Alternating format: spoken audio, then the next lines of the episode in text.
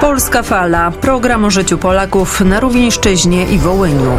Wiadomości o ukraińsko-polskich relacjach międzynarodowych. Polska murem za Ukrainą. Trzymajcie się.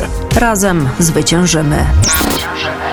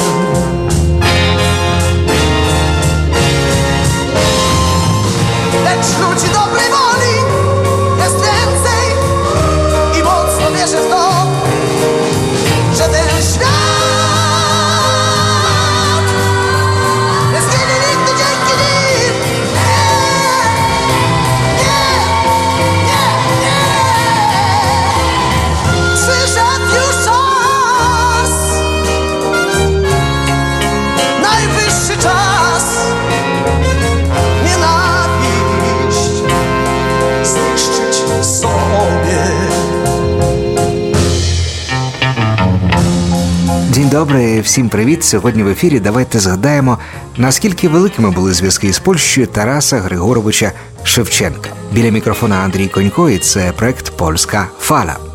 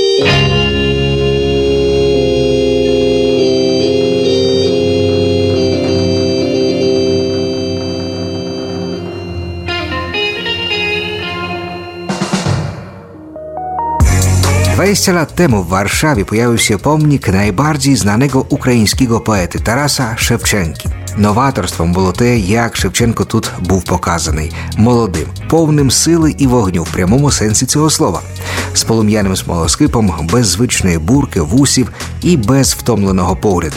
Шевченко jest dla Ukrainy większym zjawiskiem niż na przykład Mickiewicz dla Polski. Bo Mickiewicza czyta się w różnych kontekstach kulturowych, a Szewczenko dla e, walki takiej, która ma miejsce obecnie, od powstania narodowego. No i jego wiersze absolutnie oddają e, sens tego, co się dzieje. Opowiada Mirosław Czech, Напевно, один із головних елементів української ДНК творчість Тараса Шевченка. Слово класика живило вогонь свідомості і самоповаги, допомагало і продовжує допомагати розпізнавати глибини нашого єства незалежно від зовнішніх обставин. Реально класика з великої літери. Його життя випало у важкий час. Знецінення і переслідування це зовсім не ті умови, де людський геній може розгулятися. Але Шевченко зміг сьогодні про вплив на нього і його творчість польських motywów. Kiedy uruchamiane są takie pokłady najgłębsze kultury, kiedy trzeba odpowiedzieć na najważniejsze pytania, to okazuje się, że Szewczenko jest pisarzem, zjawiskiem w kulturze ukraińskiej absolutnie uniwersalnym. Opowiada Mirosław Czech. Urodzony w 1814 roku teraz Szewczenko, 16 lat młodszy od Mickiewicza i 5 lat od Słowackiego, tworzył w epoce romantyzmu. Na twórczości tego jednego z najważniejszych w kulturze ukraińskiej poetów ogromny wpływ miała jego biografia. Одним із перших знайомих поляків Тараса Шевченка був один із управителів вільшанського маєтку пана Енгельгарда, поляк Ян Димовський. Людина, вочевидь, розумна і людяна. Саме він, складаючи у 1829 році для свого поміщика список селян, придатних до служби у маєтку, і помітивши великі здібності малого Тараса до малювання, його непереборне бажання навчатися в цьому напрямку і загалом неординарність натури юнака порекомендував хлопця як придатного до ролі домашнього художника. Не менш важливим фактором, що ілюструє ставлення Димовського до майбутнього поета, є переказ його родича Петра Шевченка, що від Димовського Шевченко дістав властиво перші початки елементарної науки, крім тих, які здобув до цього у церковній школі. Доказом вдячності Шевченка поляку Димовському були поклони, які Тарас Григорович, уже ставши вільною людиною, пересилав Димовському у листах до родичів і прохання, щоб Димовський теж до нього писав. Чого б Димовський не навчив Шевченка, навчав він його певна річ польською мовою. Хлопець уже тоді міг познайомитися із деякими творами польських письменників. 1829 рік був роком посиленої польської революційної агітації на теренах України. І можна припустити, що Димовський був людиною, яка належала до кіл, які радше симпатизували революції. У будь-якому разі він був другом, а не ворогом селян, підданих свого пана. Питання, чи був Шевченко у Варшаві, досі немає однозначної відповіді, але натяки про те все-таки є. Більше того, у біографії великого поета є сторінки, позначені закоханістю, і це були романтичні стосунки із польським акцентом. Більше про це вже за кілька хвилин на польській хвилі.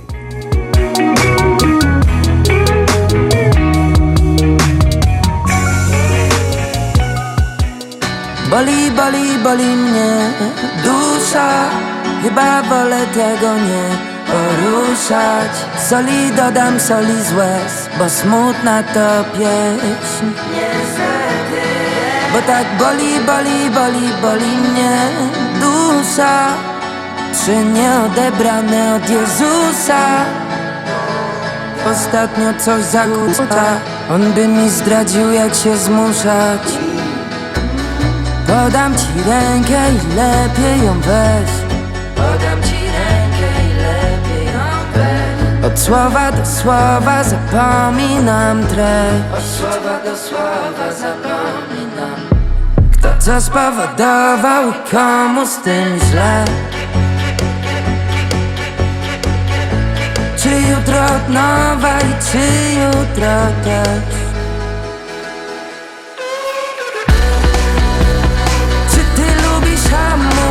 Bo jeśli tak, to ja znam paru panów.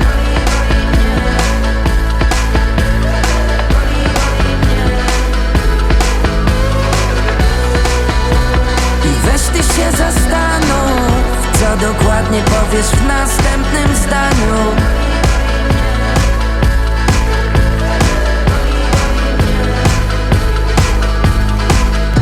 Coś we mnie się piętrzy i zbiera na zaś Gdy zaciskam pięści nie mogę wziąć w garść. Bo ja bym na zbyt małej powierzchni się zmieścił i upchał swój świat.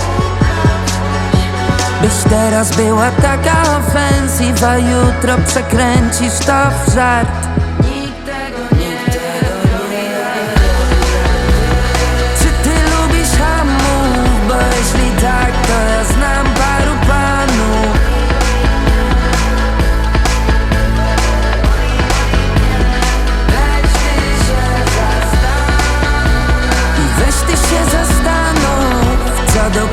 powiesz w następnym zdaniu.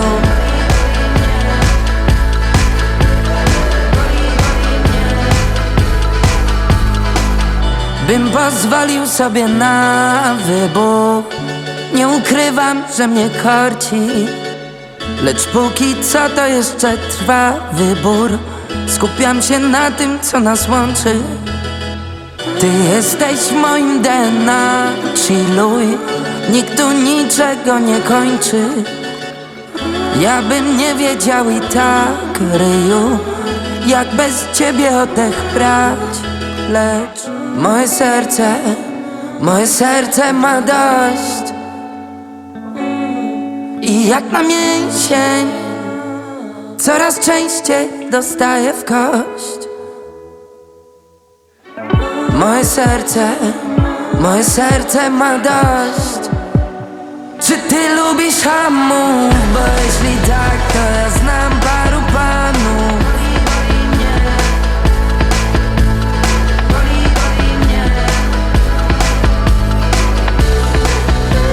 I weź się zastanów Co dokładnie powiesz w następnym zdaniu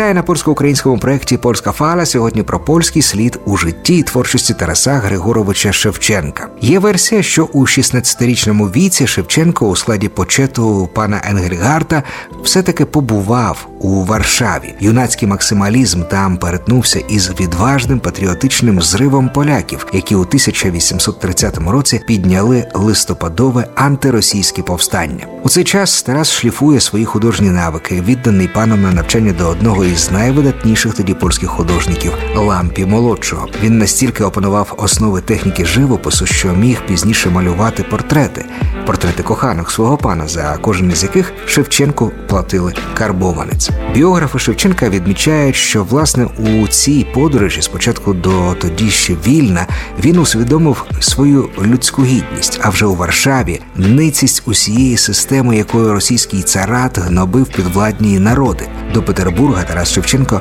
приїжджає уже із певним знанням польської мови, польського мистецтва, польської культури, а також із враженнями про польську революцію, які неможливо було забути, які згодом завжди пробуджували в ньому зацікавлення Польщею, її справами та історією. Український поет Афанасієв Чужбинський, друг Тараса Шевченка, залишив у своїх спогадах особливий потяг Тараса Григоровича до творчості польського поета Адама Міцкевича. Разом вони читали заборонені тоді у Російській імперії Міцкевичеві дзяди, а переклад Міцкевича Байронового прощання Гарольда Шевченко і сам часто повторював, особливо перебуваючи у засладні, бо це були слова, які легко перегукувалися із його власним досвідом. Teraz po świecie błądzę szerokim i pędzę życie tułacze. Czegoż mam płakać? Za kim i po kim? Kiedy nikt po nie płacze. До речі, перший Шевченків Кобзар мав свою версію, написану повністю латиницею із польськими літерами В, Й, ЦЗ, тобто Ч, Ж, З з кропком та іншими. Це був подарунок Шевченкові від його друга Якова Дебельмана, графа, офіцера, якого російський режим загноїв на Кавказі. Це починання Якова Дебельмана мало ймовірно і практичну мету, бо навіщо ж писати польською латиницею тексти, якби йшлося тільки про подарунок Шевченкові. Практична мета могла бути подвійна на правобережжі, на Поділлі, Волині, а також на значній частині Київщини. Письменне українське населення знало тоді лише латинську абетку. А отже, для ознайомлення із творчістю Шевченка таке видання було бажаним. По-друге, таке видання полегшило б знайомство із поезією Шевченка і полякам, а передусім полякам у Галичині, королівстві польському, конгресовому, а також у Великому князівстві Познанському, які в той час кирилиці переважно не знали. У 19 столітті Польща для Російської імперії залишалася проблемним регіоном. Намагання поляків скинути російське ярмо продовжувалися, хоч і не мали успіхів. Протестні настрої разом із тими учасниками повстань, які попали в руки росіян, ширилися разом із депортаціями. Ідея свободи, про яку марили поляки, підсилювала подібні ідеї в українському суспільстві і були суголосні із тими думками і мріями, якими жив власне Тарас Григорович Шевченко. Тому з одного боку була історія Тарас онук Гайдамаків, який виріс у оповідях е, жорстокого протистояння із ополяченням, і про це його гайдамаки. І Шевченко як революціонер, який в поляках бачив борців із тупою і жорстокою імперією. Спільний ворог об'єднує. На засланні Кобзар ділить казарму із польським геологом і ботаніком Томашем Бернером. Разом вони беруть участь у дослідженні Аральського моря. Потім вони разом потрапляють у заслання до Оренбурга. А в цьому місці на той час, у другій половині 19 століття, уже зібралася була чимала компанія засланих учасників польського повстання. На честь прибуття Шевченка поляки влаштували банкет, і він там тусив разом із ними, обговорюючи різні перспективи поляків і українців у випадку, якщо режим росіян впаде. Особливою була дружба Тараса Шевченка із Броніславом Залеським. В історію він увійшов як польський видавець, художник і поет, але познайомилися Шевченко і Залеський в Оренбурзі під час заслання. Залеського за участь у різних акціях спротиву царат вислав в Оренбурзьку глушину на кордоні з Казахстаном. Він теж малював, і Тарас вчив його академічного живопису. Коли доля розвела їх дороги, вони листувалися, і ці листи наповнені теплом. Шевченко надсилав Залеському свої малюнки, і той, аби матеріально допомогти українському поету, продавав їх. З іменем Броніслава Залеського зазвичай пов'язують і вірш Шевченка ляхам. Тарас, хоч і почав його писати раніше, ще до знайомства. Пізніше, зрештою, він переписав його власне для Залеського і подарував йому з присвятою свій автограф. До речі, у листах до Залеського Шевченко згадує свою закоханість, яку він пережив у юнацькому віці, коли був у вільні. Вільно так само дороге за спогадами моєму серцю, як і твоєму. Тим дорогим спогадом із віленських часів був для Шевченка образ милої чорнобривої дівчини, польки Дуні Гусіковської або Гошковської, у яку він там закохався. Ще одним другом Шевченка, якому він особливо симпатизував, був Зигмунд Сіраковський. Цей польський національний герой і одвічний революціонер, поляк, якого росіяни стратили у 1863 році. Він сам походив із Волині і був одним із нечисленних поляків, які найкраще Шевченка розуміли і належно його оцінювали. Він знав, як високо цінувала Шевченка Україна. У різних листах Шевченка є постійні згадки про Сіраковського, сповнені братерської любові і поваги. А Зигмунд Чираковський писав до Шевченка українською мовою, називав його батьком, порівнював із співцем апокаліпсису, закинутим до пустелі. Багато він зробив задля справи звільнення Шевченка із неволі, був посередником у продажі його картин, листувався із третіми особами з різних його справ, допомагаючи Шевченкові у різних справах. Після повернення із вигнання Чираковський писав до Шевченка, що визволення його із заслання буде його першою справою. Під враженнями від подорожі по Україні до полку, що дислокувався неподалік від давньої січі, він так звірявся своєму другові. При першій зустрічі про це я написав послання. Ти його в цьому році отримаєш. У ньому стиль слабкий, але думка висока. Думка не моя, почуття мої. Думка ця про злиття одноплемінних братів, які живуть по обидва боки Дніпра. Очевидно, був це поетичний твір, заклик до поляків в Україні про примирення з українським населенням, згідно із засадами, які проповідував також і Шевченко. Так багато поляків серед друзів здавалося би суперечить всьому лейтмотиву Шевченкової творчості, в якій таврується ляхів, панів, ксьондзів. Але якщо подивитися на це з іншого боку, помітимо, що ніяких суперечностей немає.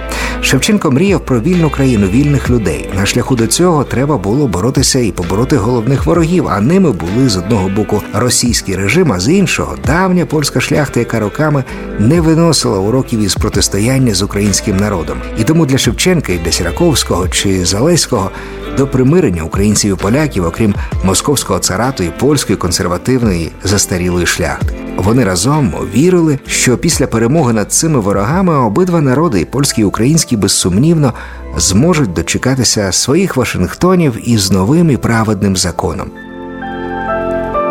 У Тараса Шевченка вистачало ворогів для польської консервативної шляхти, яка зверхньо дивилася на українців.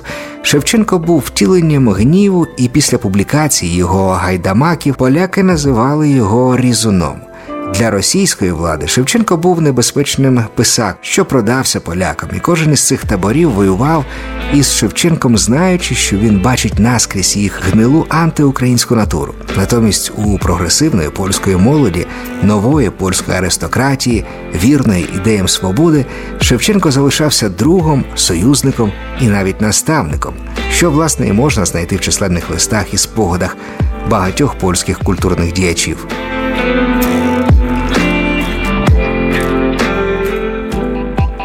Urywa łeb mi od problemów, które sam tworzę. Czego mi trzeba, nie wiem sam jak to możliwe. Taki uśmiechnięty, miły chłopiec. On to tak dobrze ma, na bank tak nienawidzę Gdy nie rozumiem co mam w sobie. Nie rozumiem kolejny raz tak bardzo proszę. Proszę nie mieszać mi już w głowie. Bo sam już namieszałem dość. Ej, bo sam już namieszałem dość. Używki znieczulą znów wybieram większe zło. Bo sam już namieszałem dość. Tylko puste słowa, pusty pokój, puste szkło. Bo sam już namieszałem dość. Używki znieczulą znów wybieram większe zło. Bo sam już namieszałem dość. Tylko puste słowa, pusty pokój, puste szkło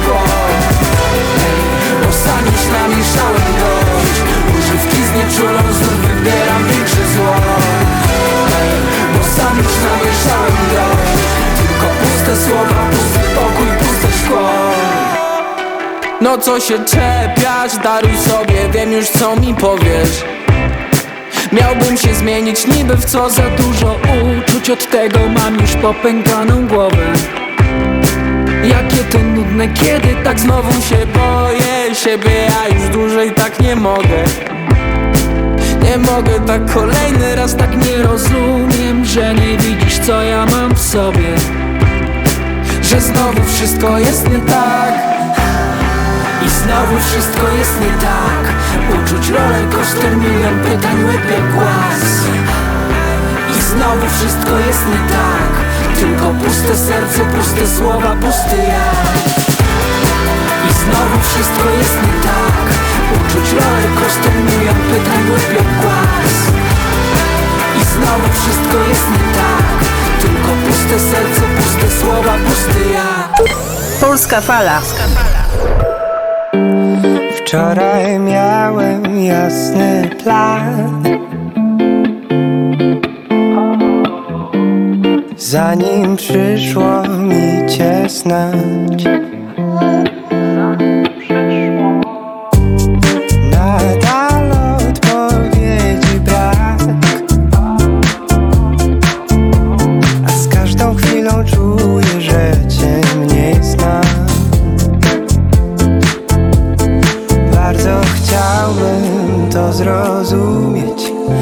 Nasze myśli dzieli wysoki mur. Czy odnajdę w tobie prawdę kilka słów? Tylko czekam na znak, czekam i tak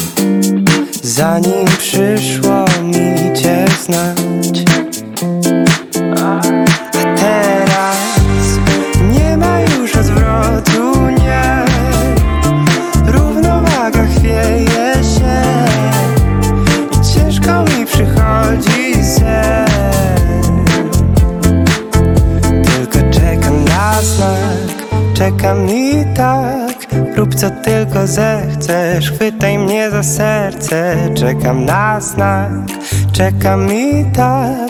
Rób co tylko zechcesz. Mm, mm. Nie lubię się powtarzać, ale jesteś tu wyjątkiem. Karmię te uczucia, tracę zmysły coraz mocniej. Czekam na znak. Bardzo chciałbym to zrozumieć Nasze myśli dzieli wysoki mur. Czy odnajdę w tobie prawdę kilka słów? Tylko czekam na znak. Czekam i tak Rób co tylko zechcesz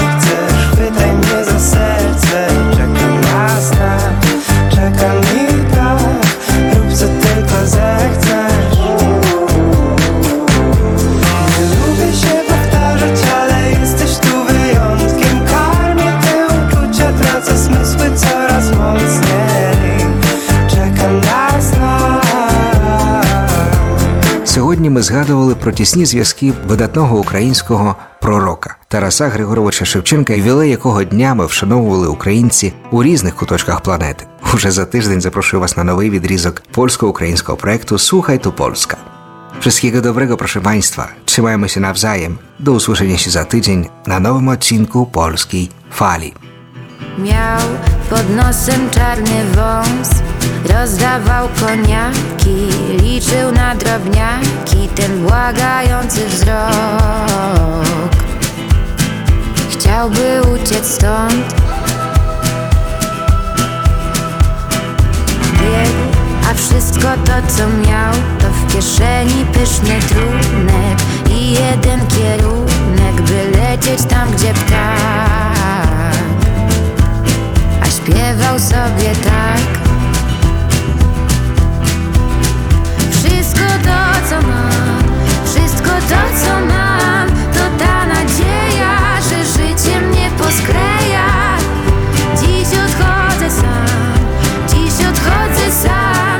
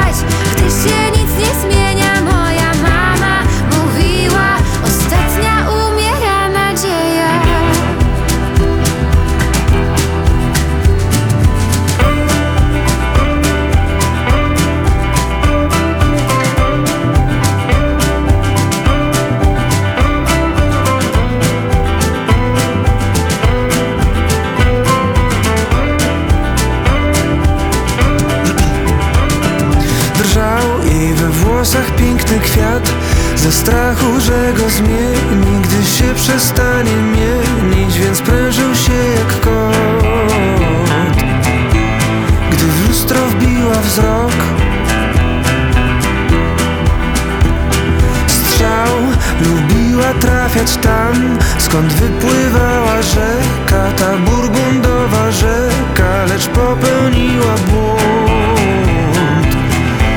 Zbyt wiele serc na stos.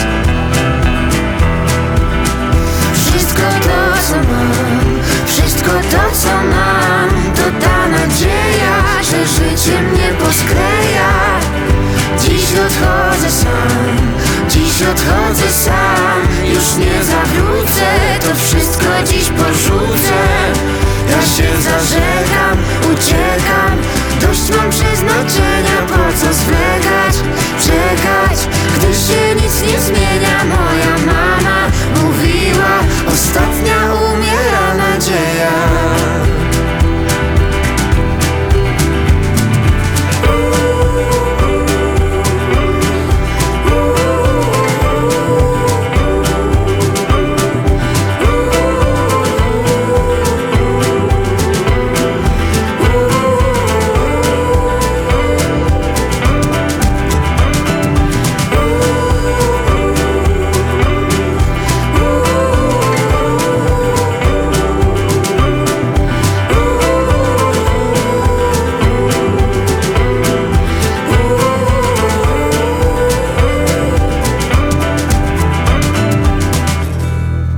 Polska Fala wspierane ze środków Kancelarii Prezesa Rady Ministrów w ramach konkursu Polonia i Polacy za granicą 2021. Projekt Polskie Media na Ukrainie 2021-2022 realizowany przez Fundację Wolność i Demokracja.